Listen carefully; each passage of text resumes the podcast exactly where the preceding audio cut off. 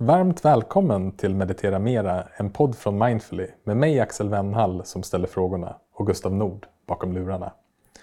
Nu befinner vi oss vid Odenplan i Stockholm för att träffa Otto Simonsson för att prata om meditation och forskning.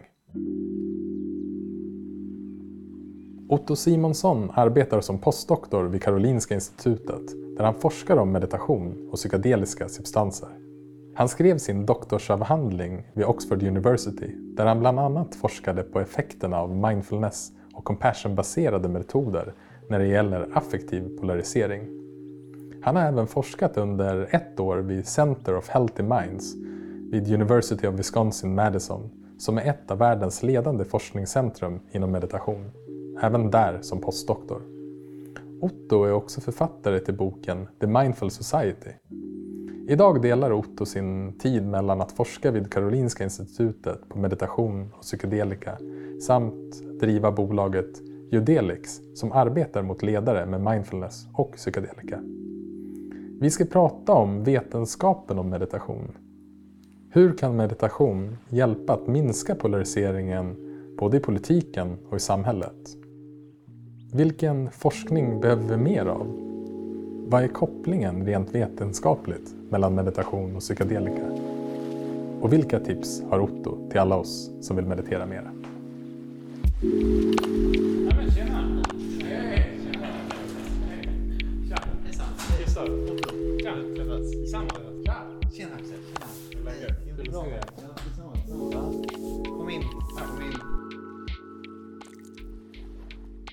Fint att få komma hem till dig idag Otto och prata om meditation och forskning om meditation. Ja, tack så mycket Axel. Det är trevligt att vara här i min lägenhet slash mitt kontor. Så du och jag, vi, vi träffades ju för någon dryg månad sedan och tog en kaffe och pratade lite grann om vad vi bägge två gjorde och eh, ja, men jag fattade tycke för dig direkt och framförallt är jag väldigt intresserad av ditt arbete. Och det tänker jag kommer vara, vara till grund idag för det vi kommer prata om. Men innan vi inleder så brukar vi i podden ha en kort landningsmeditation. Är det okej okay om jag guidar den? Absolut, och detsamma. Jag fattade väldigt mycket tycke för dig också, ska jag säga. Så vi kan köra en, en, eh, en meditation, absolut. Fint. Vi sitter ju här hemma hos dig. Gustav sitter i soffan bredvid och du och jag sitter på en stol mittemot varandra. Du som lyssnar på det här avsnittet kanske är på språng, kanske är, åker kommunalt, kanske sitter i bil, vad vet jag. Om du har möjlighet att stanna upp, att vara helt stilla, så föreslår jag att du tar dig ett par minuter och gör det. Om du har möjlighet att sluta ögonen så är du välkommen att göra det. Men den här meditationen kan du faktiskt göra var du än befinner dig. Givetvis om du kör bil så ska du fokusera på det. Men för oss andra så um, rikta uppmärksamheten till området mitt i bröstkorgen.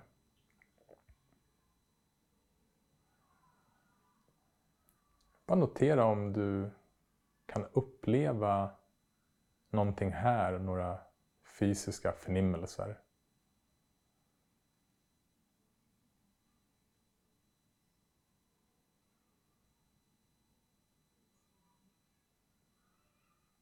Men låt din uppmärksamhet vara öppen så att alla delar av din upplevelse är välkomna.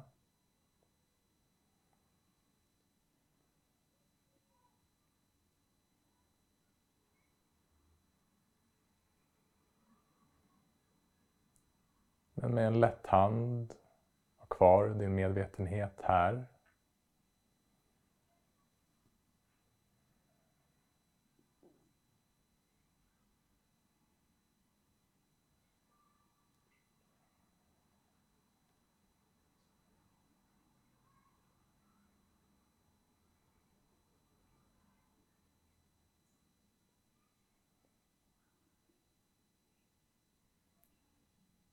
Och det är tacksamt att vila med sin medvetenhet här i det vi skulle kunna kalla hjärtat.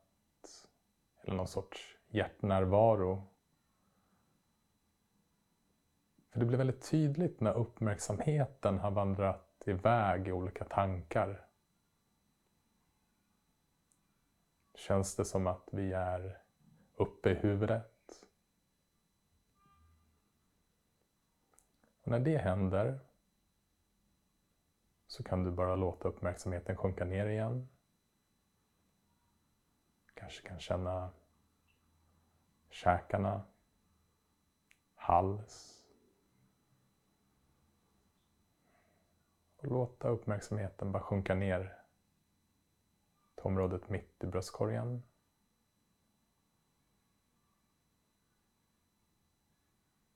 Och vila med din medvetenhet här igen.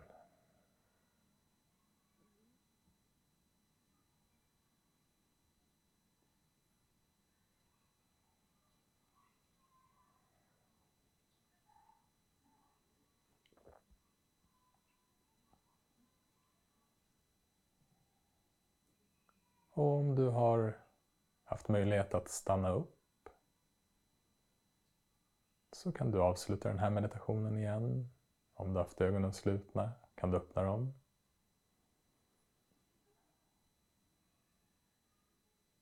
Och bara kom ihåg att det här är ett enkelt men effektivt sätt att komma tillbaka med din fulla uppmärksamhet till nuet, till det här samtalet eller vad du än ska göra. Tja! Tjena! Hur är läget? Jo, men det är bra ska jag säga. Det är mycket som händer. Eh, känner mig stundtals eh, trött. Det kan bero på att vi är i en övergångsperiod till vinter. Men eh, annars känner jag mig väldigt glad och tillfredsställd. Mm. Hur mår du? Tack! Jag mår bra. Jag mår bra. Jag kom ut och sprang lite grann innan vi träffades. Ja. Så jag känner mig så här skönt lugn som man kan göra efter en löptur. Ja. Mm. Och jag tog en nature walk precis innan ni kom. Så det var ett eh, bra sätt att förbereda sig för, för det här. Mm. Som är lite nervöst för mig om jag Mm. ska vara helt ärlig. Mm. Vi, vi är snälla. Ja, ni verkar lite snälla i alla fall. Vi får se. Du forskar ju om bland annat meditation och mindfulness idag. Men hur kom du i kontakt med meditation själv? Var befann du dig i livet då? Det är en jättebra fråga och eh, jag misstänker att jag, eh, att jag har skapat ett typ av narrativ eh, kring vad som egentligen har skett. Och sen om det är eh, sant eller falskt, det är, en, det är en annan fråga. Men eh, egentligen så började jag väl kanske i mina tonår, eh, uppväxt här i, i krokarna i Stockholm och kände väl att det var någonting som saknades. Kände mig inte riktigt, att jag inte riktigt passade in när det kom till värderingar och sånt i samhället. Och sökte mig kanske till någonting annat. Eh, på den tiden så var min dröm att bli en eh, hedge fund manager. Så jag skolkade mycket från skolan och var hemma och, låter töntigt att säga det nu, men tradade på börsen. Det var också under finanskrisen ska man säga, så jag tog en smäll där också. Eh, även om en liten relativt sett kanske. Eh, så eh, på något sätt så kände jag att, att eh, jag ville utforska vad, vad det finns för annat i världen. Om det finns annat än, än de värderingar kring eh, status och pengar och så som, som ändå är ganska vanliga i samhället. Och sen kom jag i kontakt med olika personer som rekommenderade ett retreatcenter i eh, Thailand. För jag var intresserad av, jag tror att jag romantiserade också eh, en del kring munkar och så. Och bestämde mig då för att åka till eh, södra delen av Thailand eh, för att delta i, mitt första, i min första meditationsretreat. Och jag kan tillägga att jag hade ju ingen aning om vad meditation var. Eh, och eh, hade ingen aning om vad jag gav mig in på. Vilket nog var bra för det var hemskt till en början för mig. Så du är en av de få, ni, vi har träffat några till i podden som vars första interaktion med meditation är just på ett tyst retreat. Det är fullt möjligt att jag är en av de få. Och eh, ja, jag är väldigt tacksam för att det var min första interaktion. Det är ingenting som jag skulle rekommendera till någon. Eh, utan kanske ta det gradvis. Men det var min resa och eh, det var där fröet såddes till allt som jag sysslar med idag och eh, jag skulle också säga att i mångt och mycket allt som jag är idag är eh, allt är tack vare det och sen också såklart mina föräldrar som gav mig en, en fantastisk barndom och varit stöttande under hela mitt liv och så. Kan du beskriva vad du kände att du fick med dig från det retreatet i Thailand? Ja, jag tror som sagt att, att det var ett frö som jag fick med mig. Så jag fick en smak för att ett annat sinnestillstånd var möjligt. Jag fick också smak för andra perspektiv på hur samhälle och relationer skulle kunna fungera. Mer fokus på att minska lidande snarare än att tjäna pengar kanske. Mm. Det är svårt att beskriva rent konkret vad jag fick med mig men ett frö var uppenbarligen sått. Eh, och sen tog det många år och det, jag skulle mena att det fröet håller fortfarande på och eh, ja, men det vattnas och det ges näring till det fröet. Eh, så det är en konstant utveckling men det var där som, som eh, det såddes i varje fall. Mm. Och sen dess, hur har din meditationspraktik sett ut? Ja, det är en bra fråga. Den var nog ganska väl integrerad i mitt vardagsliv till en början när jag var universitetsstudent och det kanske inte fanns så mycket ansvarstaganden på den tiden. Eh, så jag hade bra integrering i mitt vardagsliv och sen så åkte jag stundtals iväg på eh, ibland veckolånga och ibland månadslånga retreater. Eh, numera så har jag kommit in i ett beteendemönster där det är extremt ovanligt för mig att meditera i vardagslivet. Vilket är ironiskt för större delen av mitt arbete handlar om meditation. Eh, men däremot det som är kontinuerligt är att jag åker med något års mellanrum så åker jag på en längre retreat så ja, det är väl en bra summering tror jag mm. av det tror jag. Mm. Retreater är ju fantastiska på det sättet för man kan ju verkligen fylla på. Det är som att man kan dricka av någon typ av källa av närvaro. Det som jag också tänkte på när du beskrev det, det här fröet, att det var ett frö av um, ett annat ord, kanske kärlek. Hur menar du då? Nej, men jag tänker att det här fröet att vilja bidra till andra människors välmående eller som du beskrev det, att minska lidande både för sig själv och för andra. Och att eh, vilja bidra till samhället är för mig en form av kärlek. Absolut. För mig så är det absolut kärlek men framförallt eh, ett frö av intention. Mm. Eh, så att så gott jag kan i allt jag gör så försöker jag med mig en intention av att eh, minska lidande. Sen, ser ju det, sen yttrar ju det sig på olika sätt i olika kontexter. Det kan vara i relationer, så är det en kontext på samhällsnivå som är mer relaterad till mitt arbete så är det en annan kontext. Men, eh, så för min, från mitt perspektiv så är det absolut kärlek men, men framförallt en intention mm. skulle jag säga.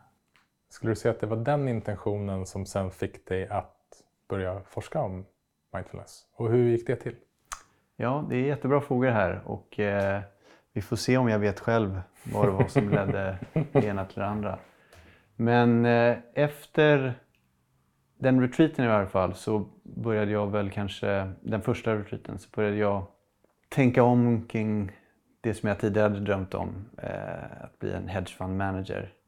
Och man ska också ha i åtanke att det här var precis i perioden då Obama eh, blev vald. En väldigt inspirerande person som har gjort mycket gott. Eh, man kan ifrågasätta många av hans policies också men jag inspirerades i varje fall eh, under den perioden av honom och tänkte att ett bra sätt att minska lidande var att ge sig in på ett eller annat sätt inom politik. Så jag valde då att eh, plugga internationella relationer vilket sen ledde till eh, en master i internationell rätt vilket sen ledde till eh, arbete med eh, flyktingar och asylsökande under ett par år. Men under den perioden så kändes det som att jag faktiskt inte gjorde någon, någon skillnad utan att jag snarare var ett kugghjul i ett lagligt eller juridiskt maskineri. Och under den perioden så började jag fundera på mer vilken typ av inre förändring vi behöver hos människor för att kunna se eh, yttre förändring i samhället. Och jag hade ju min meditation i mitt vardagsliv under hela den här perioden och eh, det var nog det, en av de viktigaste aspekterna i mitt liv och jag såg hur mycket potential det hade på grund av hur mycket det hade gett för mig. Och tänkte då att det kunde vara intressant att eh, forska just på meditation och politik eftersom att jag hade det intresset också. Eh, och det här var också under en period då eh, det brittiska parlamentet eh, hade påbörjat mindfulness-träning för politiker. Så det var en ganska passande tid att fundera på om man kanske skulle forska kring det här och förstå om mindfulness och andra meditationstekniker har en roll inom politiken och i så fall vilken roll. Mm. Har jag förstått det rätt att du studerade och sen har bedrivit i princip all din forskning utomlands också? Ja, så i princip eh, all min utbildning har eh, varit utomlands. Mm. Framförallt i England men också stundtals i USA. Mm. Så det är egentligen bara sedan pandemin som jag har kommit tillbaka till Sverige och eh, har börjat jobba på KI. Så jag har väldigt lite erfarenhet av svensk forskning och den svenska universitetsvärlden. Låt oss bara ta oss tillbaka till det du precis nämnde att man hade infört mindfulness i det brittiska parlamentet. Du berättade det här för mig sist vi träffades. Skulle inte du vilja berätta för alla som lyssnar också vad, vad man har gjort där? Ja, eh, Eh, det kan jag absolut göra. Och på ett sätt så började egentligen mindfulness i politik i Sverige. Nu har jag begränsad kunskap om, om just mindfulness i Sverige för att det, det ledde i slutändan inte till så mycket. Men tror en kvinna vid namn Ann-Marie Brodén, en moderat politiker, försökte att introducera mindfulness 2012 kanske det var eller något sånt. Av många olika skäl så blev inte det någonting hållbart i, i svenska riksdagen. Men året därpå så var det en brittisk politiker eh, som heter Chris Ruan från Wales som kom i kontakt med meditation genom sin dotter och hade lite erfarenhet av det själv och var intresserad av att få in det i parlamentet. Det är, där är den korta historien. Mm. Eh, så han kom i kontakt med eh, forskare på Oxfords universitet eh, där mycket av forskningen på mindfulness-based cognitive therapy har bedrivits. Eh, och tillsammans då så började de introducera mindfulnesskurser eh, i brittiska parlamentet. De här kurserna var i varje fall under de första tio åren en kortare version kan man säga av eh, mindfulness-based cognitive therapy. Eh, dels för att politikerna är så otroligt upptagna i brittiska parlamentet men också för att det krävs lite justering. Rent generellt, om du har ett mindfulnessprogram för en viss population så fungerar det antagligen bäst om du justerar det lite för att passa just den populationen bäst. Så det introducerades. Eh, många av de politiker som deltog i kurserna var väldigt positivt överraskade hur, de, hur de hjälpte dem med allt ifrån eh, depressiva symptom till att hantera stressen som kommer med att göra internationella förhandlingar med andra länder. Eh, vilket i sin tur ledde till att de eh, producerade en rapport som heter Mindful Nation UK tror jag den heter. Mm. Som kom ut 2015 där det var i princip eh, en summering av evidensen på mindfulness inom fyra olika områden. Jag tror det var skola, företag, hälsovård och någonting till tror jag. Inte, inte helt säker, men eh, ungefär så.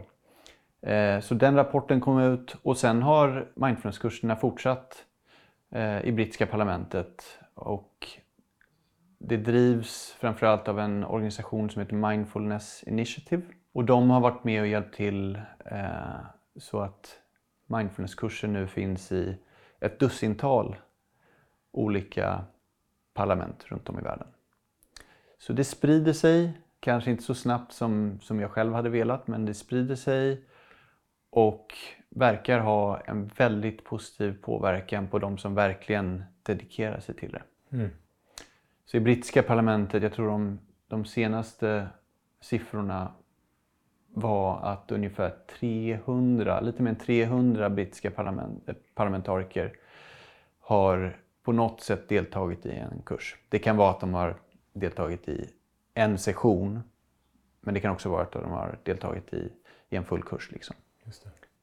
Så ja, men det är väl kanske en liten introduktion till mindfulness i den brittiska kontexten i alla fall, inom politiken. Just det. Och har jag förstått dig rätt att du sen har också undersökt effekterna av just den här typen av mindfulness, eh, ja, mindfulness i det brittiska parlamentet helt enkelt? Precis. Så min forskning när jag doktorerade var ju fokuserad på mindfulness in politics kan man säga. Eller meditation inom, inom politiken. Och eh, jag gjorde en hel del randomiserade kontrollerade studier.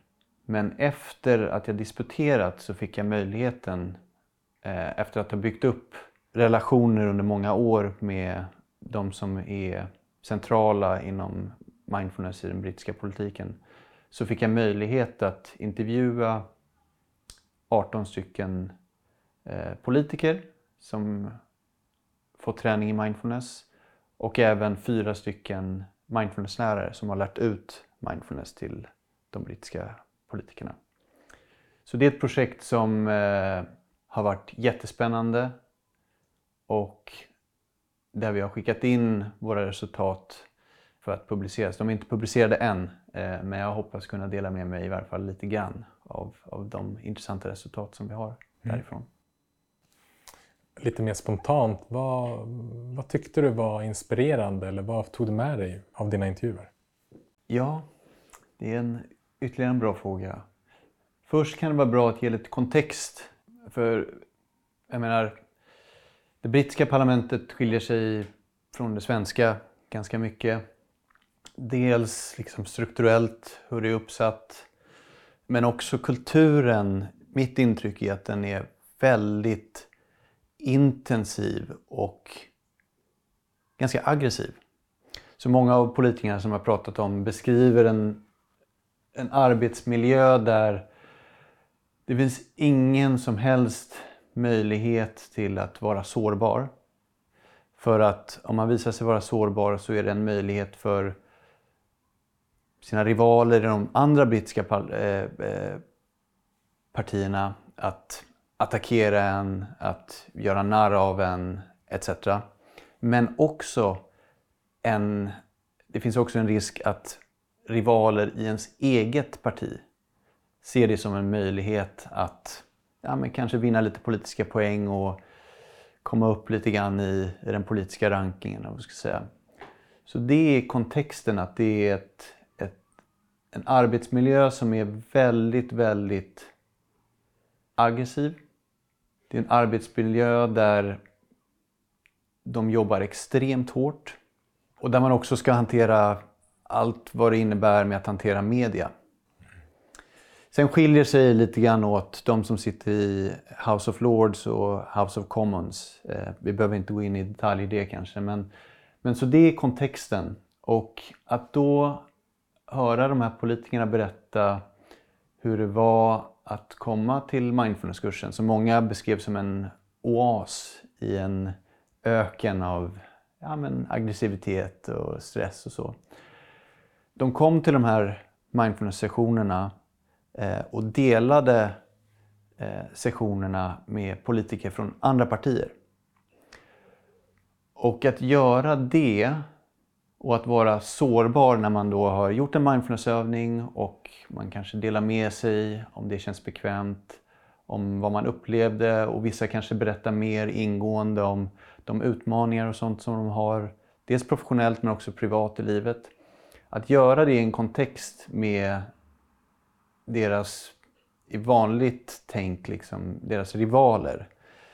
Eh, jag tror inte att det finns någon annan situation där de, där de har upplevt det. Så dels så, så var det svårt tror jag till en början för dem att verkligen öppna upp. Men givet hur erfarna mindfulnesslärarna var så mitt intryck är att de verkligen fick dem att öppna upp vilket ledde till att de kunde vara sårbara inför eh, sina rivaler. Och en av de mest intressanta grejerna som jag tycker kom ut från mina samtal med politikerna var att i många fall så kunde en politiker beskriva att de hade ett djupt band. Eh, dels vänskapsband men också ett band professionellt där de numera arbetar tillsammans. Med någon från ett annat politiskt parti med andra politiska åsikter som de aldrig någonsin hade kunnat tänka sig att de ens skulle kunna bli vänner med. Eh, och det tycker jag är ett av de mest lovande men också finaste teman som, som, eh, ja, som jag upptäckte i de konversationerna. Och det ligger ganska mycket i linje med den andra typen av forskning som jag gjort där vi har kollat på vanliga människor, om man, om man får kalla det så, icke-politiker. Mm. Och där vi har haft interventionsstudier för att se vilka effekter exempelvis mindfulnesskurs kan ha på affektiv polarisering och så. När jag hör dig berätta det här så slår det mig att det låter som att det här är den enda platsen de här människorna har fått möjlighet att vara sig själva. Annars har de behövt vara i en roll som... Det låter som ett perfekt recept för att bli utbränd. 100 procent. Och det låter, det låter så tragiskt. Mycket tragiskt.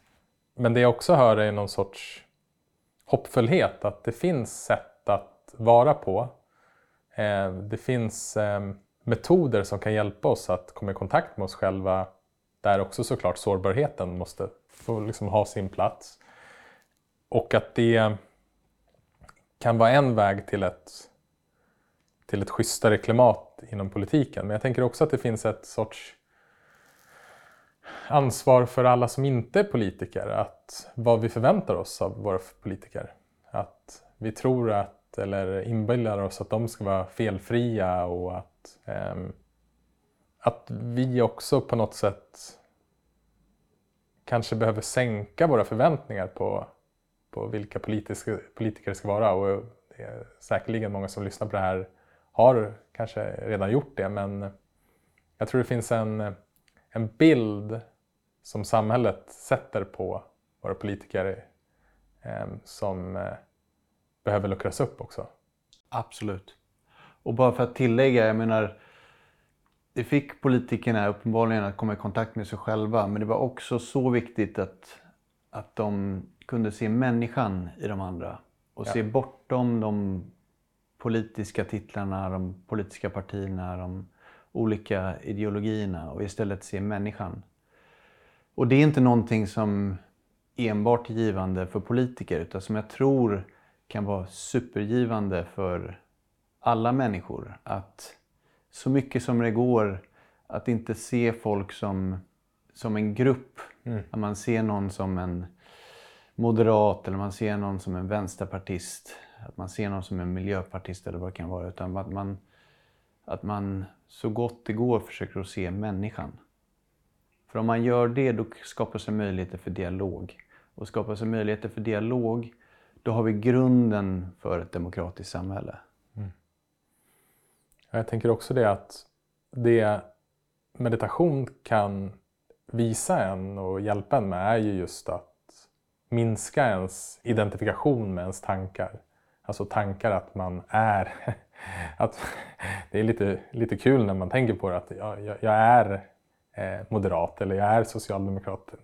Nej, det är klart att du inte är det, men du sympatiserar med de åsikterna och du kanske till och med arbetar för det partiet och Ja. står för den ideologin. Ja. Att, men att se det och att hela tiden komma tillbaka till någon sorts kontakt med sig själv och se att vi alla människor har olika preferenser oavsett om det är politiska preferenser eller om det kommer till kaffe eller chokladbollar som står här framför oss. Så eh, problemet uppstår egentligen när, i alla fall så som jag ser det, när vi identifierar oss med, med våra åsikter eller våra preferenser eller med våra tankar för den delen. Ja. För då är vi också låsta. För, det, för i den identifikationen så finns det en, en världsbild. Ja. Och det kan man även dra på sin spets genom att man, om man identifierar sig med att vara en världsförbättrare eller en hjälte så är man också låst. Man har en begränsad bild av hur man behöver vara. Ja. För det ligger i identifikationen. 100 procent. Och plus att vi har ju alla en tendens, mig inkluderad, att tro att vi har rätt. Det är klart vi tror att det som vi tror är rätt. Men det jag lärt mig egentligen från forskningen är att vara lite mer ödmjuk inför mina egna åsikter eh, och min tro på att jag har rätt. För, men ett bra exempel är i USA. Där vi vet att i mångt och mycket i nuläget, kollar du på republikaner så tycker de att demokrater är idioter. Och att de, är, de, ja, men de har fel. Men samtidigt så tror demokrater detsamma om republikaner. Så frågan uppstår då, vem, vem har rätt? Så en lite mer, det har i alla fall lärt mig att vara lite mer ödmjuk och vara lite mer öppen för att jag kanske inte sitter... Jag sitter absolut inte på eh, alla svar. Eh, frågan är om jag sitter på några svar alls. Eh, men jag är i varje fall mer öppen för att för andra perspektiv. För i slutändan så är det i mångt och mycket så handlar det om perspektiv. Sen så kan man, det är en annan diskussion kring fakta. Eh, Det är ett annat problematiskt tema eh, i samhället. Men det är en annan diskussion. Så jag tror att det är viktigt att vara öppna för att alla kommer med olika bakgrunder. Vi vet att folk med vissa politiska åsikter tenderar att ha en annorlunda hjärnstruktur än andra. De har andra typer av preferenser. De prioriterar andra saker i livet. Och att vara öppen för att vi är alla olika. Men att alltid försöka ta en öppen dialog och tillsammans försöka att se vad som är bäst för samhället. Och antagligen så blir någon typ av mellanväg en bra väg framåt. Det som slog mig nu när du sa det här med att vilja ha rätt och se det på ett större perspektiv i kanske det amerikanska samhället eller den amerikanska politiken är ju att det är helt applicerbart i ens eget liv och eh, med de som man står närmast. Sin familj eller sin partner eller sina närmsta kompisar. Där stöter man på det hela tiden i olika konflikter. Vem har rätt? Alltså om man ser och bryter ner en konflikt, vad handlar det om? Det handlar om att vi är två parter eller flera som tycker att vi har rätt. Och ehm, jag, jag minns någon, att jag läst någonstans, om det var i Zen, så har man ett, ett talesätt som säger så här, Don't side with yourself. Det, det bjuder in en sorts ödmjukenhet att, att man kan i alla fall börja frågasätta att så här, ja men just det, det kan finnas ett annat perspektiv här.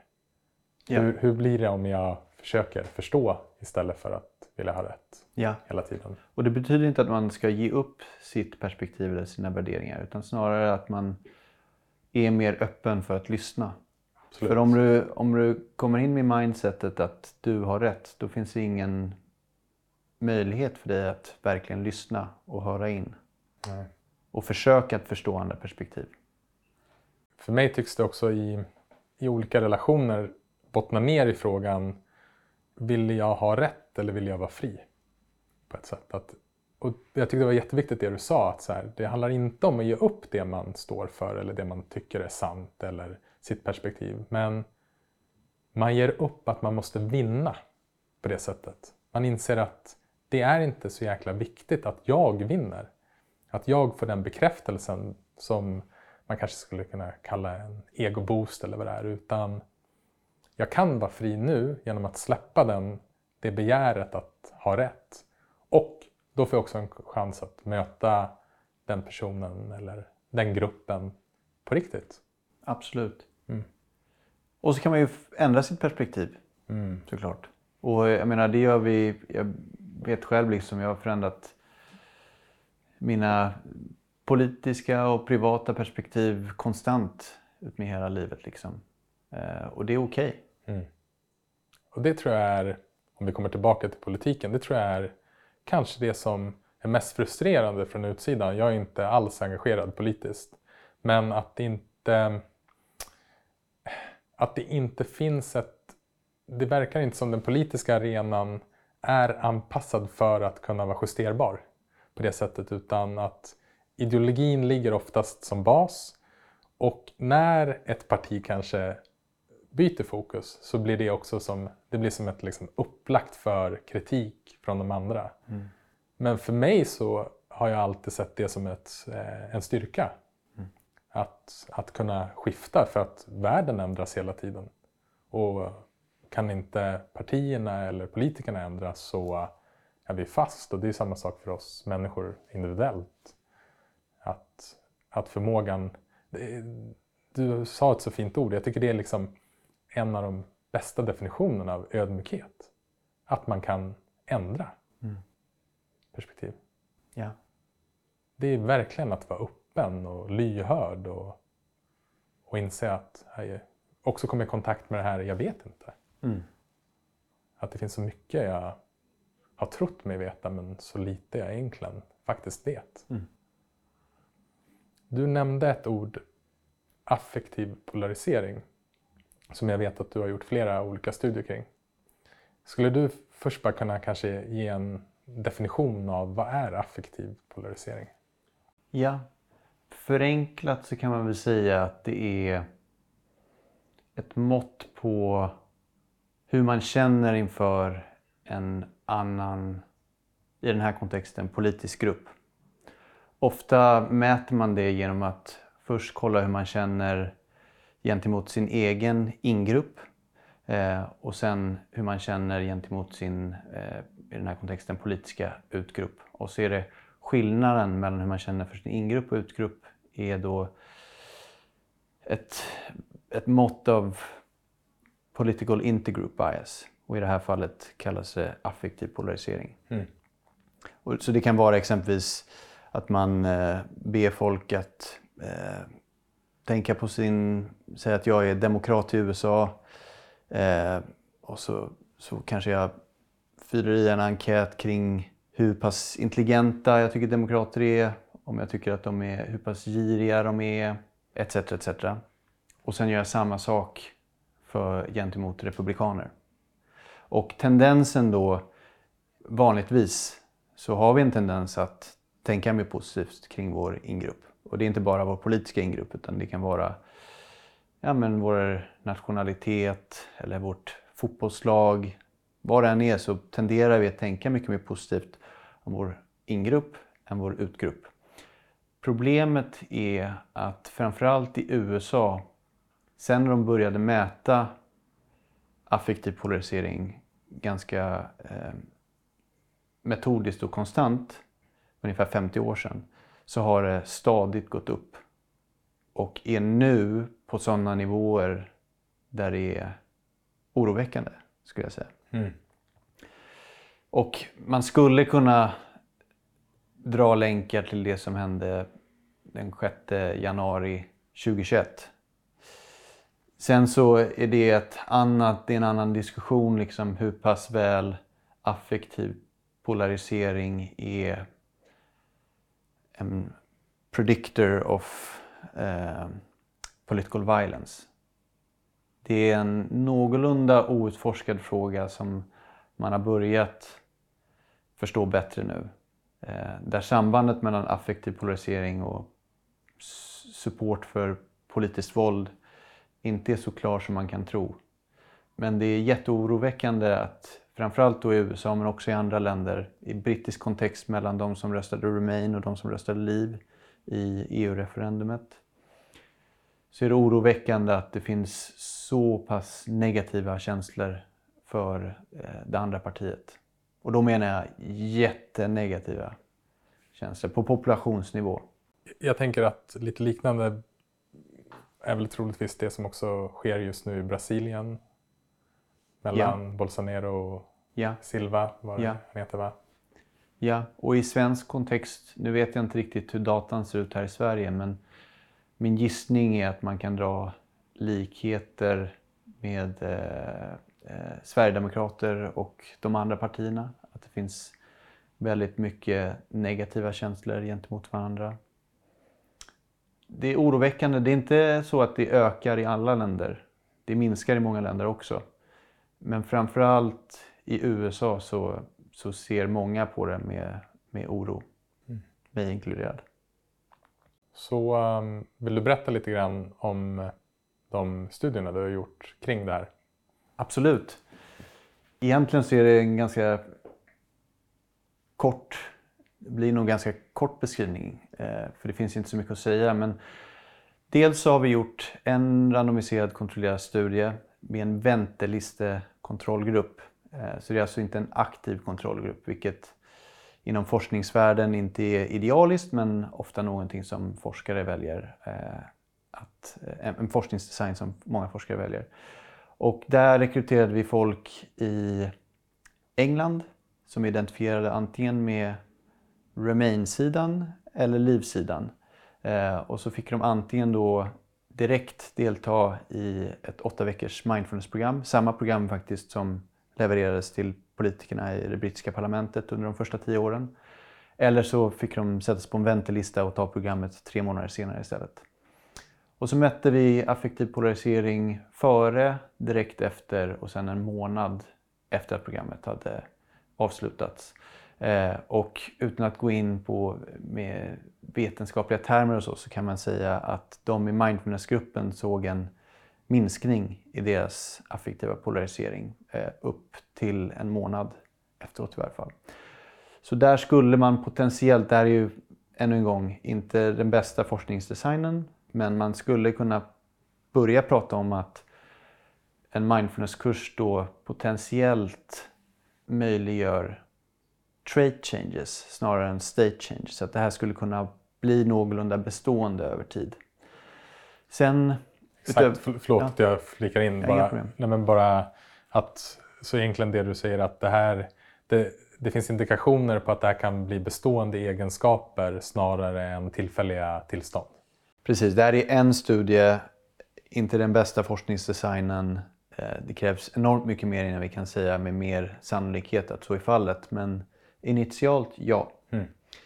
Eh, sen utöver det så har vi gjort kortare studier där vi har varit intresserade av att se om en viss typ av meditationsövning som de bland annat då har använt i det brittiska parlamentet. I det här fallet så kallas det befriending meditation men det är väldigt liknande compassion based meditation, loving kindness meditation.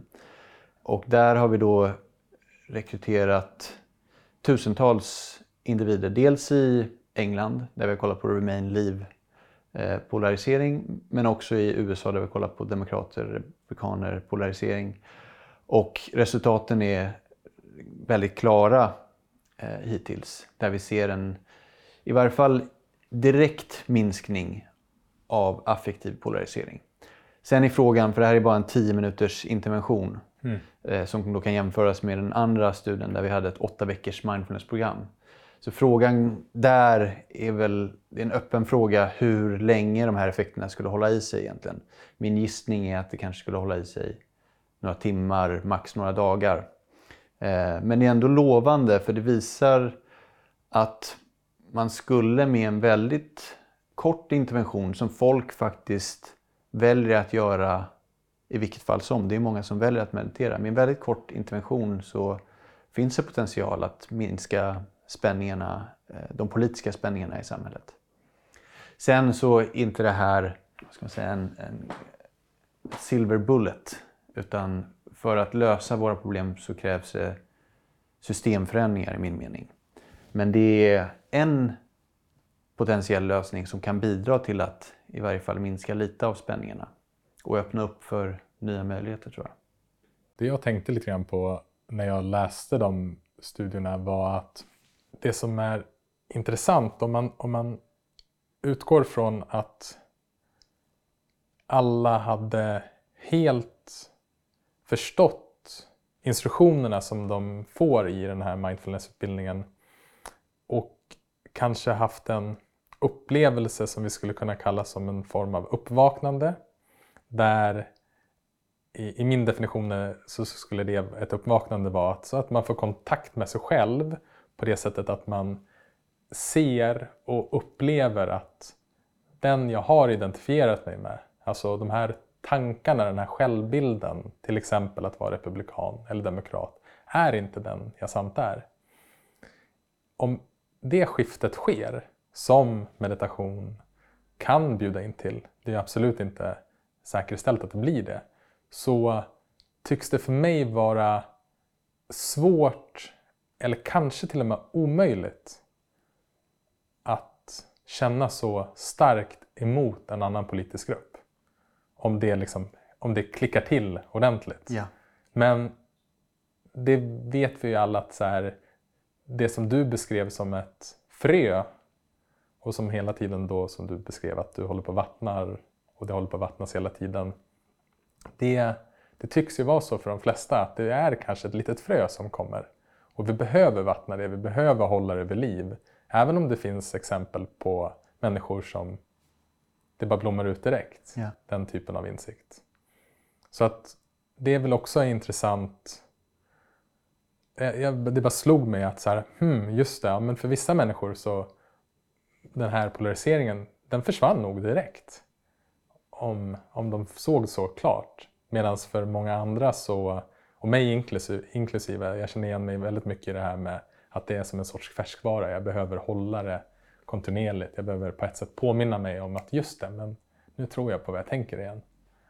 Hur, hur tänker du kring det? Fullt möjligt och en, en jättefin och spännande hypotes som vi kan testa i framtida studier.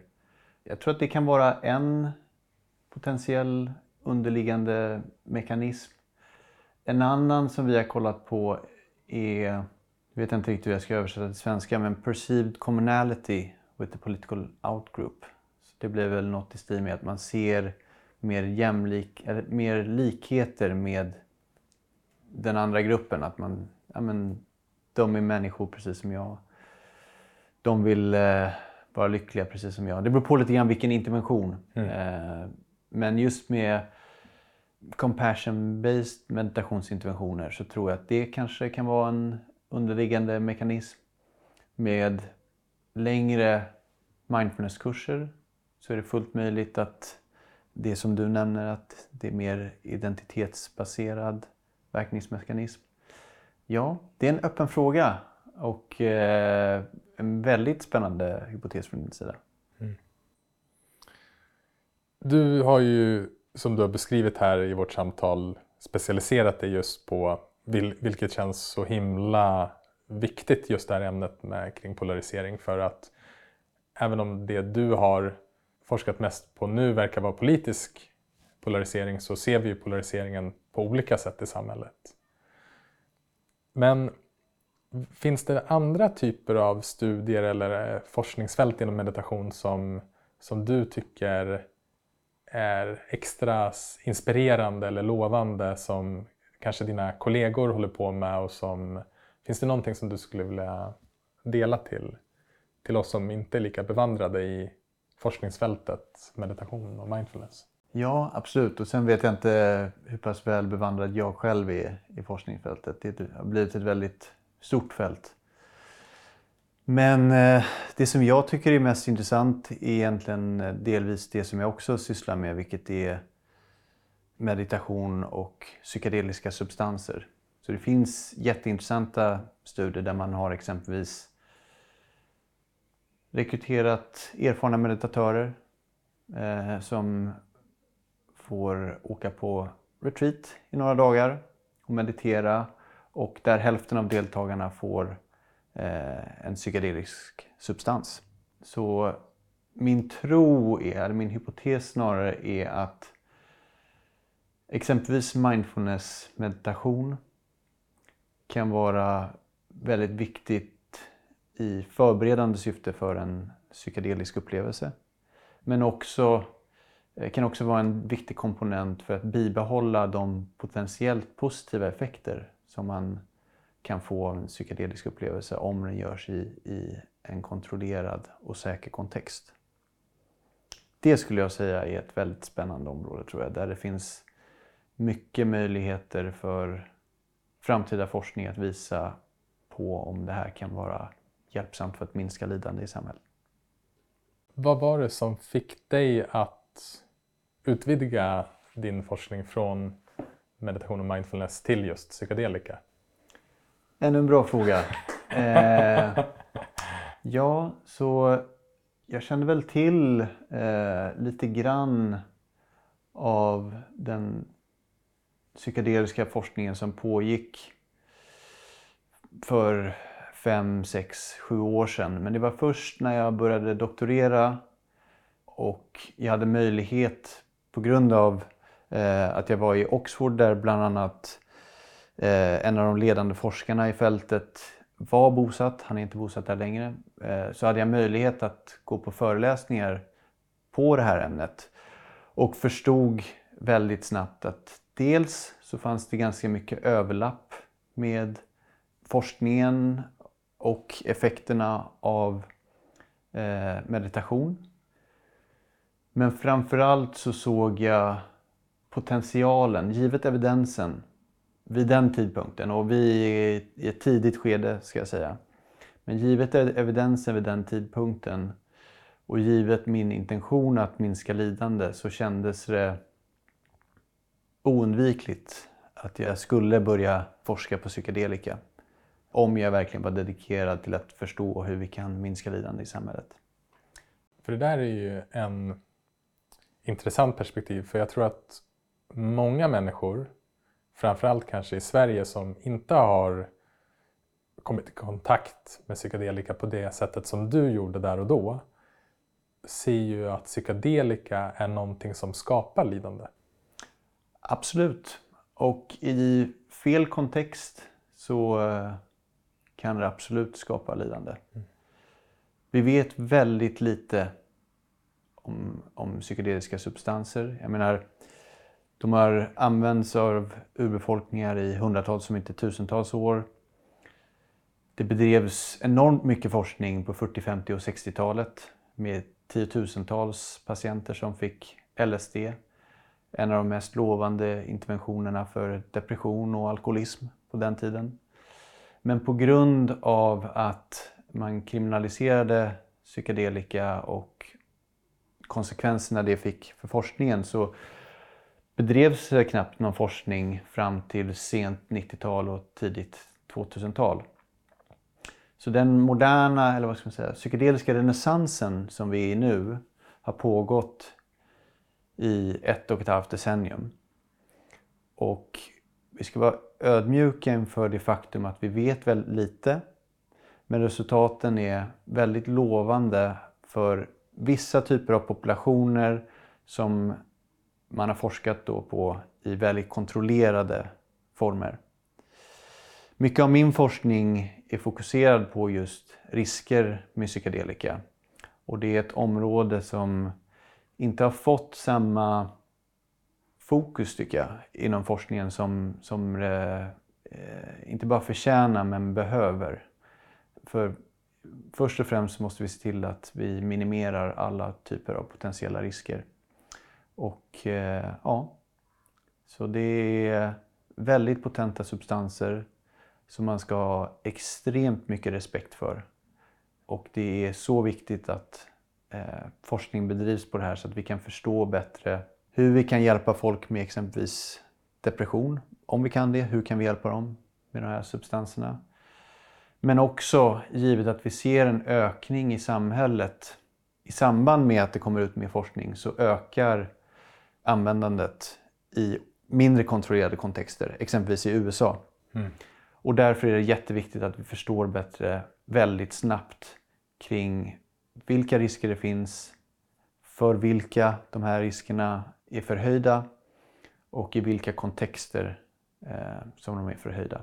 Så att vi kan påbörja, eller fortsätta snarare, ett viktigt utbildningsarbete eh, för att se till att de som ändå använder de här substanserna, vare sig det är i en kontrollerad kontext eller inte och vare sig det är lagligt eller inte, att de i, i största möjliga mån får all information de kan för att se till att de inte gör någonting som skadar dem själva eller skadar andra. Mm. Nej men det känns e-, enormt viktigt för precis som du säger så är det ju det, det här är nog en extremt dålig jämförelse men jag tänker på att det finns vissa vissa saker, vissa uppfinningar eller vissa saker som finns i universum som kan vara potentiellt väldigt hjälpsamma och potentiellt väldigt skadliga. Och typ kärnkraft är en sån sak. En, jag tror det är inte den svenska filosofen Nick Boström som pratar om vita bollar är uppfinningar som bara kommer till nytta för samhället. Gråa bollar är sådana uppfinningar som kan gå åt bägge hållen. Nu är inte psykedelika på så sätt en uppfinning utan det växer ju oftast naturligt eller kan också framkallas syntetiskt men att det har den, kan ha både en väldigt positiv effekt, framförallt om det är som du säger i en kontrollerad miljö med kompetenta personer som kan facilitera och vägleda när det eventuellt uppstår utmanande upplevelser, vilket är väldigt vanligt. Men det jag framförallt slås av själv är ju att min egen okunskap som fanns var ju, att, var ju just att jag hade bilden av att psykedelika är någonting som orsakar lidande. Och när jag själv kom i kontakt med den forskning som du pratar om och den psykedeliska renässansen var ju att det var som ett, ett uppvaknande och se att, jaha okej, okay, men de här substanserna används för läkning. De alltså används för att minska lidande. Och som du var inne på i början så för många människor som använt psykedelika så har ju det varit det fröet som du pratar om, som du fick på ditt mindfulness retreat. Det var det aldrig för mig heller utan för mig kom fröet också via meditation eller någon sorts av uppvaknande, att jag såg igenom tankarnas illusion. Men det är tydligt för mig att det saknas kunskap i samhället idag. Och om vi bara går på den datan så är det, ja, men det är fascinerande och intressant att se. Vad, vad mera liksom inom, för jag vet att du också har fokuserat på just kombinationen av meditation och psykedelika. Ja. Vad är du intresserad för där? Ja, eh, Framförallt så är jag väl intresserad av att se om, som jag nämnde lite kort tror jag, om olika typer av meditationstekniker kan vara hjälpsamma i förberedande syfte för en, en psykedelisk upplevelse. Men sen så är jag också intresserad av exempelvis hur en psykedelisk upplevelse kan i vissa fall motivera eller i varje fall leda till att folk faktiskt mediterar mer. Vilket är någonting som vi ser, nu är det här opublicerad data, men eh, i en longitudinell studie som vi har genomfört så ser vi just det att folk som har en psykedelisk tripp ofta ökar sin... De har ett ökat engagemang med meditation efter det. Och det finns en rad olika anledningar till varför det skulle vara fallet. Eh, men det är mer oklart. Det är mer klart att, att, att det verkar vara så att, att det ökar meditationsfrekvens. Men det är mindre klart vad det är i den rent upplevelsemässigt under en psykedelisk upplevelse som gör att folk faktiskt eh, att fokusera mer på meditation. Mm. Det kan vara att de får insikter om att de måste, att de, många rapporterar att de vill genomföra livsstilsförändringar till det hälsosammare. Eh, många rapporterar också, och det här är då inte, nu pratar jag inte om rapporter från forskningsstudier utan det här är mer som eh, min förståelse av folks upplevelse. Att vissa också upplever en större förståelse för vad mindfulness innebär under en psykedelisk upplevelse. Att de fattar liksom, det är det här som eh, jag har försökt i massa år att uppnå. Nu vet jag hur jag praktiserar. Eller att de uppnår ett tillstånd som de förstår att det här är möjligt och kanske söker sig till olika meditationstekniker för att kunna få ett mer permanent, eh, inte psykedeliskt tillstånd kanske, men ett mer permanent medvetandetillstånd som eh, liknar det de kanske har upplevt. Mm. Lite, det är svårt att, att, att förklara för jag, vi vet själv, eller vi vet så lite om det. Och ja, framtida forskning får leda vägen. Men min hypotes är att det finns ett, en synergieffekt mellan meditation och psykedeliska substanser. Mm. Men du, du var inne på att du forskade om riskerna. Vad, vad liksom ser du då är... Hur, vill, du, vill du berätta mer om det? Ja, eh, och till att börja med så vill jag ännu en gång säga att vi vet jättelite. Som sagt så finns det massor med lovande resultat från kliniska studier där man har fokuserat på väldigt specifika populationer. Men några av riskerna som, som antagligen finns. För det är svårt att med säkerhet säga vilka typer av risker som finns. För det är så ofta som vi blandar ihop associationer och korrelationer med kausalitet. Så ett exempel är att eh, inom forskningen så finns eh, en viss typ av artiklar som kallas case reports. Och i vissa case reports så kan det vara då att en en person har kommit in till sjukhuset med eh, maniska symptom. Och det kanske visar sig att de har tagit psykedelika nyligen eller precis innan eller långt innan. Och de kanske har en eh, familjehistoria av bipolär sjukdom eller något sånt. Och då kvarstår frågan om det var psykedelika, den psykedeliska substansen som som orsakade de maniska symptomen. Eller om det var någonting som orsakades av något annat. Eller om det var någonting som ändå skulle ha skett. Så vi vet väldigt lite om riskerna.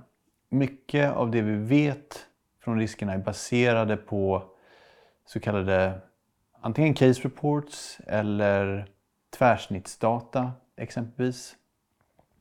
Där man då har data, ofta representativa urval eh, av exempelvis amerikanska befolkningen där man har kollat på om de som har testat psykedelika någon gång i livet. Och när jag säger psykedelika så pratar jag om klassiska typer av psykedelika. Vi kan gå in på det om du är intresserad. Men, men av de klassiska typerna av psykedelika, de som har testat det en gång i livet, har man inte sett någon association med psykotiska symptom exempelvis. Men det är på populationsnivå. Och det gör att med den typen av data, om man inte kollar på exempelvis interaktionseffekter eller kollar på vissa typer av specifika populationer så är det väldigt svårt att få en bättre förståelse om psykedelika kan orsaka psykotiska symptom och i så fall för vilka populationer. Eh, så det är lite det som vi har grottat ner oss i. Men det jag kan säga från vår data, ännu en gång, mycket av det jag pratar om här är opublicerat. Så egentligen känner jag mig inte superbekväm att prata om det, men jag tror att det är okej. Okay. Eh, så jag, jag, jag, pratar om det om alla lyssnare har i åtanke att det här är, genomgår en så kallad peer review process i nuläget. Så det kan komma aspekter på, eh, eller input på hur vi har gjort analyser och sånt. Eh, och, och resultaten skulle kunna förändras rent teoretiskt sett. Men man kan väl säga som så att en potentiell risk är så kallad Hallucinogen Persisting Perceptual Disorder. Jag har alltid svårt att, att uttala det. Som innefattar, det är svårt för mig också att översätta det här från engelska, men abnormala visuella upplevelser som påverkar en, en, ens förmåga att vara funktionell i samhället. Liksom. Och den diagnosen, via representativ, vi har data på ett representativt urval från den amerikanska befolkningen. Den diagnosen verkar vara mycket högre hos psykedelikaanvändare. Så ungefär 1,3 procent av psykedelikaanvändare har den diagnosen jämfört med ungefär 0,3 procent av de som inte har testat psykedelika. Det behöver inte säga någonting om kausalitet. Men vi ser också i våra longitudinella studier så ser vi en ökning efter att man har testat psykedelika. Så vi har mätt, vi har, vi har frågat våra deltagare om de den senaste veckan har haft vissa visuella upplevelser eh, utöver det normala skulle man kunna kalla det. Eh, att de kanske ser saker som rör på sig fast de rör inte på sig. Eh, att de ser en aura runt objekt som andra inte ser etc. Och efter psykedelikaanvändning så ser vi en ökning på gruppnivå då hos de som testade psykedelika under den här tidsperioden när vi mätte dem jämfört med de som inte testade psykedelika. Och det behöver ju inte vara någonting negativt nödvändigtvis. Man har sett också, det finns en publicerad studie där de samlade ihop data från massa olika psykedelikastudier och också såg där att deltagare även i kliniska studier eh, såg en ökning i de här visuella upplevelserna. Eh, men det behöver inte vara negativt nödvändigtvis utan det är framförallt när det påverkar ens vardag på ett negativt sätt och man inte kan verka på ett funktionellt sätt i samhället. Det är då det verkligen blir problematiskt och det är då som man då skulle kunna få diagnosen HPPD. Så det är en potentiell risk med psykedelika. Vi har också annan data på krampanfall under en psykedelisk upplevelse. Vilket är ovanligt givet vår data, men det är ändå någonting som verkar ske. En fråga som uppstår då är, är det här någonting som, är det krampanfall som folk ändå skulle haft utan psykedeliska substanser? Eller är det någonting som de psykedeliska substanserna orsakar? Eller är det en, en interaktion där folk kanske har använt en viss typ av eh, medicin. Exempelvis så i nuläget så tror man att kanske litium exempelvis tillsammans med psykedelika skulle kunna leda till krampanfall. Eh, men sen så är det också fullt möjligt att det här är krampanfall som är en del av processen som folk går igenom under en psykedelisk upplevelse. Så med det sagt så vi vet jättelite. Och vi vet jättelite kring om det här är en risk för vissa typer av personer eller för alla.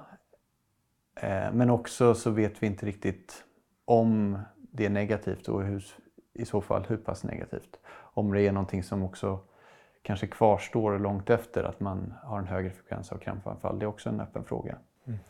Så det är en annan potentiell risk. Eh, jag kan fortsätta. Eh, men en annan, en annan risk som man är orolig för är folk med högt blodtryck exempelvis.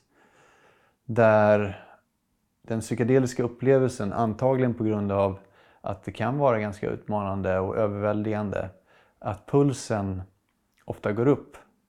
Vilket innebär att om du redan har högt blodtryck så finns det en oro för att det kanske skulle kunna höja blodtrycket ännu mer under den psykedeliska upplevelsen vilket skulle kunna leda, ja, skulle kunna ha katastrofala konsekvenser.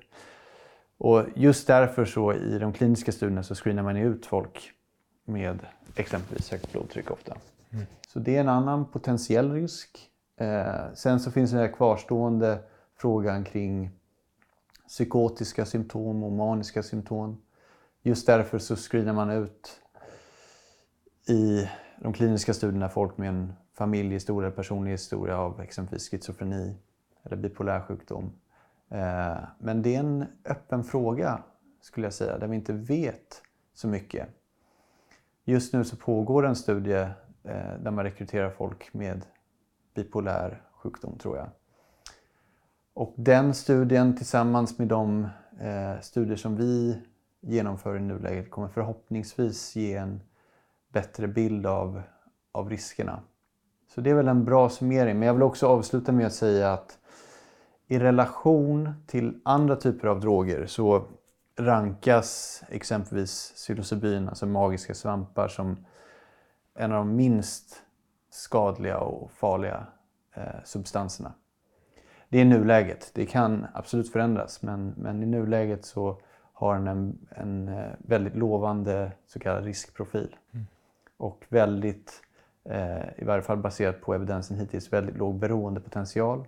Vilket är någonting som folk kanske ofta inte tror utan snarare så har det hittills i studier visat sig vara en väldigt lovande intervention tillsammans med terapi då. Eh, en väldigt lovande intervention för potentiell behandling av alkoholism eh, men också nikotinberoende. Mm. Nej, men det, det slår mig när du upplyser oss om de potentiella riskerna och kring det här att det som jag har tänkt på kring psykedelika är att det är en sån här både och-fråga för mig att det kan vara väldigt hjälpsamt. Men om man ser det vi har pratat om, det här fröet vi har pratat om som man skulle kunna kalla för närvaro och medvetenhet. Att komma i kontakt med någonting större än sitt lilla ego som allt utgår från en själv. Så det det kan ge oss är ju sådana starka tillfälliga upplevelser av att det finns någonting annat än vad jag trodde var mig själv och livet. Men den verkliga och mest värdefulla insikten är ju att det alltid är tillgängligt. Alltså, du, du är alltid dig själv bortom de här plågsamma tankarna och jobbiga känslorna. Så att det är ingenting man måste eller någonting man behöver göra. Men för vissa kan det vara väldigt hjälpsamt och det är ju så intressant att få ta del av hur det faktiskt kan hjälpa till att minska lidande. Ja. Men om du är närvarande och medveten, vart ska du ta dig då? Du menar en person som är närvarande, behöver de en psykedelisk substans för att förbättra livet? Nej, jag tror inte det. Det är, det, det är min eh, ödmjuka syn på det. Kanske att är jag närvarande och medveten, varför ska jag då ta mig någon annanstans? Ja. Jag är här, jag är mig själv. Ja. Jag, har, jag har kapacitet att vara med det som kommer till mig, det som är utmanande. Jag får uppleva livet autentiskt och på det sätt det är. Så att, men för att kunna göra det så kan psykedelika vara ett hjälpmedel för att jag ska kunna vara mig själv och kunna vara närvarande och medveten. Absolut. Och jag ser det mer som en öppen fråga.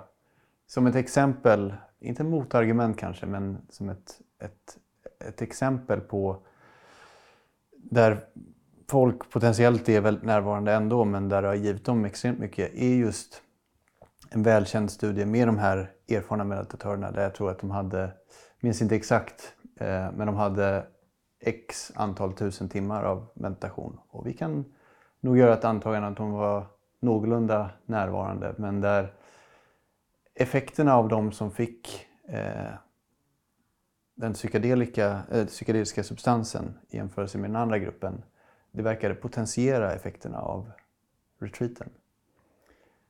Så det är en öppen fråga och jag vet själv inte svaret. Men jag tror att med forskningen så kommer vi förstå bättre om det exempelvis för nu pratar du om folk som är närvarande, men om vi bara pratar rent generellt. Folk som är friska och mår bra i livet rent generellt. Så tror jag nog ändå att det finns enormt mycket potential för dem att växa också.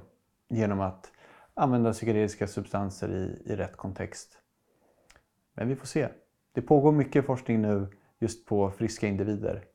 Och det ska bli intressant att, att se.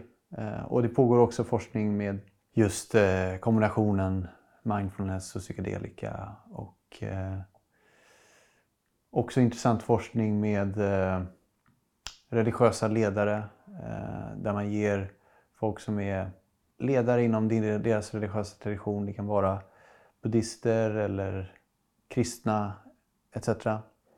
För att förstå bättre liksom om hur upplevelsen kan jämföras med deras personliga religiösa upplevelser och om det kan ge någonting ytterligare för dem. Eh, så för mig är det en öppen fråga. Mm.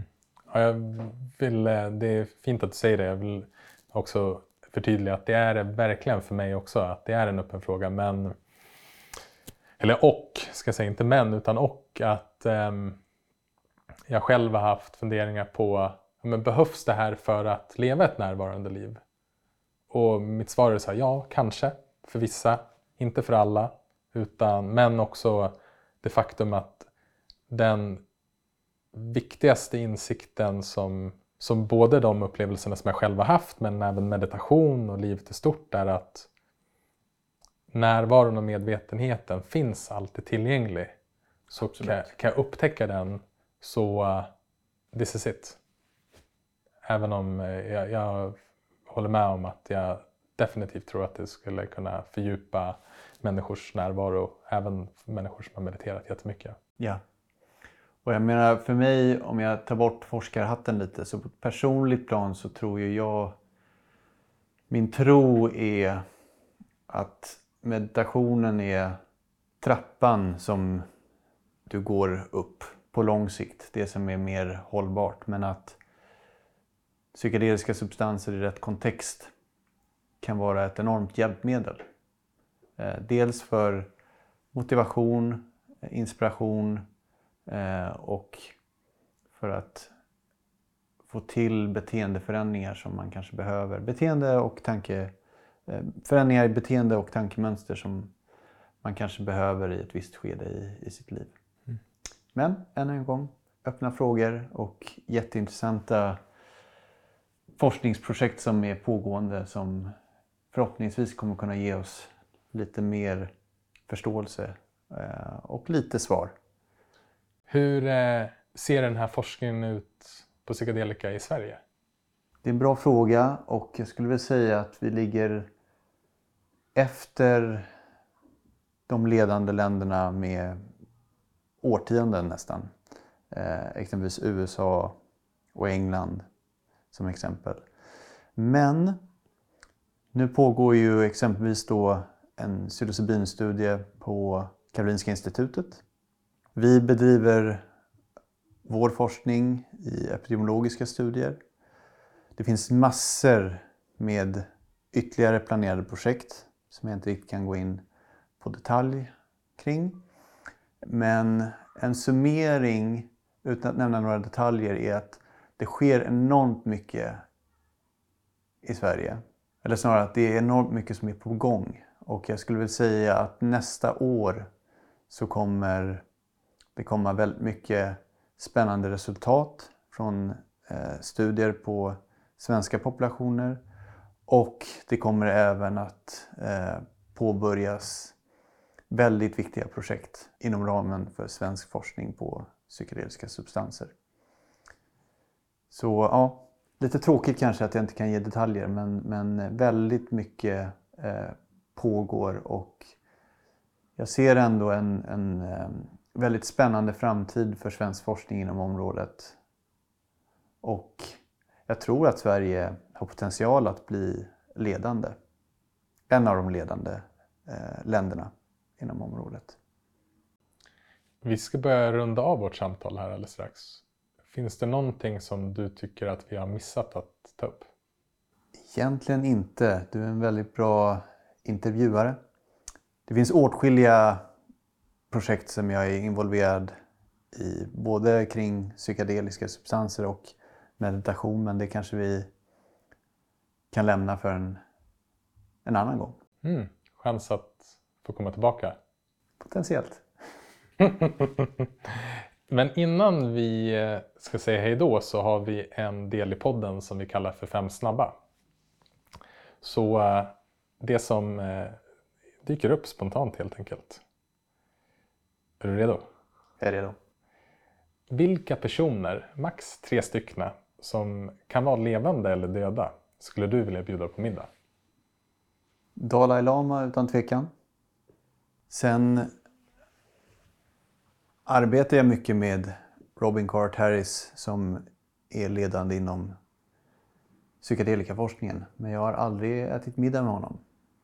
Så jag skulle gärna vilja äta middag med honom. Och en tredje person. Ja, mina föräldrar. De äter jag ju middag med vanligtvis men de är viktiga. Så de äter jag gärna middag med. Mm. Vilken är din favoritplats på jorden? Det är mina föräldrars landställe i Småland. Mitt ute i skogen. Precis vid Östersjön. Så där spenderar jag så mycket tid jag kan. Det finns för mig inget bättre ställe i världen. Vilken bok eller dokumentär skulle du tipsa om? Ja, eftersom att vi ändå är på ämnet så skulle jag väl kanske rekommendera Fantastic Fungi.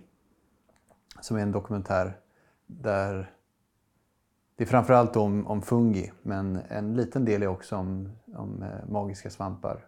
Eh, och jag rekommenderar inte nödvändigtvis för att det handlar om magiska svampar men för att den ger en inblick i svamparnas eh, rike så att säga och hur pass viktigt det är för ekosystem och för oss människor. Mm. Så den skulle jag nog Jag rekommendera. har sett den, den är jättefin. Ja, verkligen. Vilket är det bästa rådet du har fått? Ja, jag vet inte om jag har fått eh, det som råd men det som är viktigast för mig är att, att ha en intention om att minska lidande i alla kontexter. Så det är inte riktigt svar på din fråga men eh, vare sig det är ett råd jag har fått eller inte så är det det som är absolut viktigast för mig. Sista frågan. Vad är du tacksam för? allt egentligen. Framförallt så är jag tacksam för mina föräldrar och eh, den fina barndom som jag fick och allt stöd som jag fått från dem. Jag är tacksam för mina syskon och all den kärlek jag alltid har haft från dem. Tacksam för mina vänner, mina kollegor.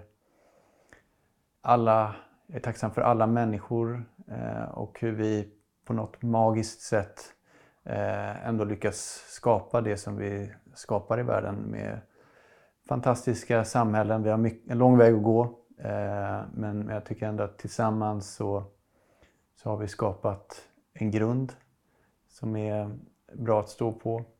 Och sen eh, sist men inte minst så är jag jättetacksam för eh, djur och natur. Och eh, alla de insekter och kaniner och kossor och träd och växter som eh, tillsammans skapar ett ekosystem eh, där vi är en del av det. Och förhoppningsvis så kan vi på ett bättre sätt förhoppningsvis framöver visa vår tacksamhet till, eh, inte bara till alla oss i samhället gentemot varandra men också visa vår tacksamhet till eh, alla djur och all natur. Det kanske blev ett flummigt slut här men, men jag är väldigt tacksam för allt. Tack för att vi fick eh, komma hem till dig idag och tack för det här fina samtalet. Tack själv Axel.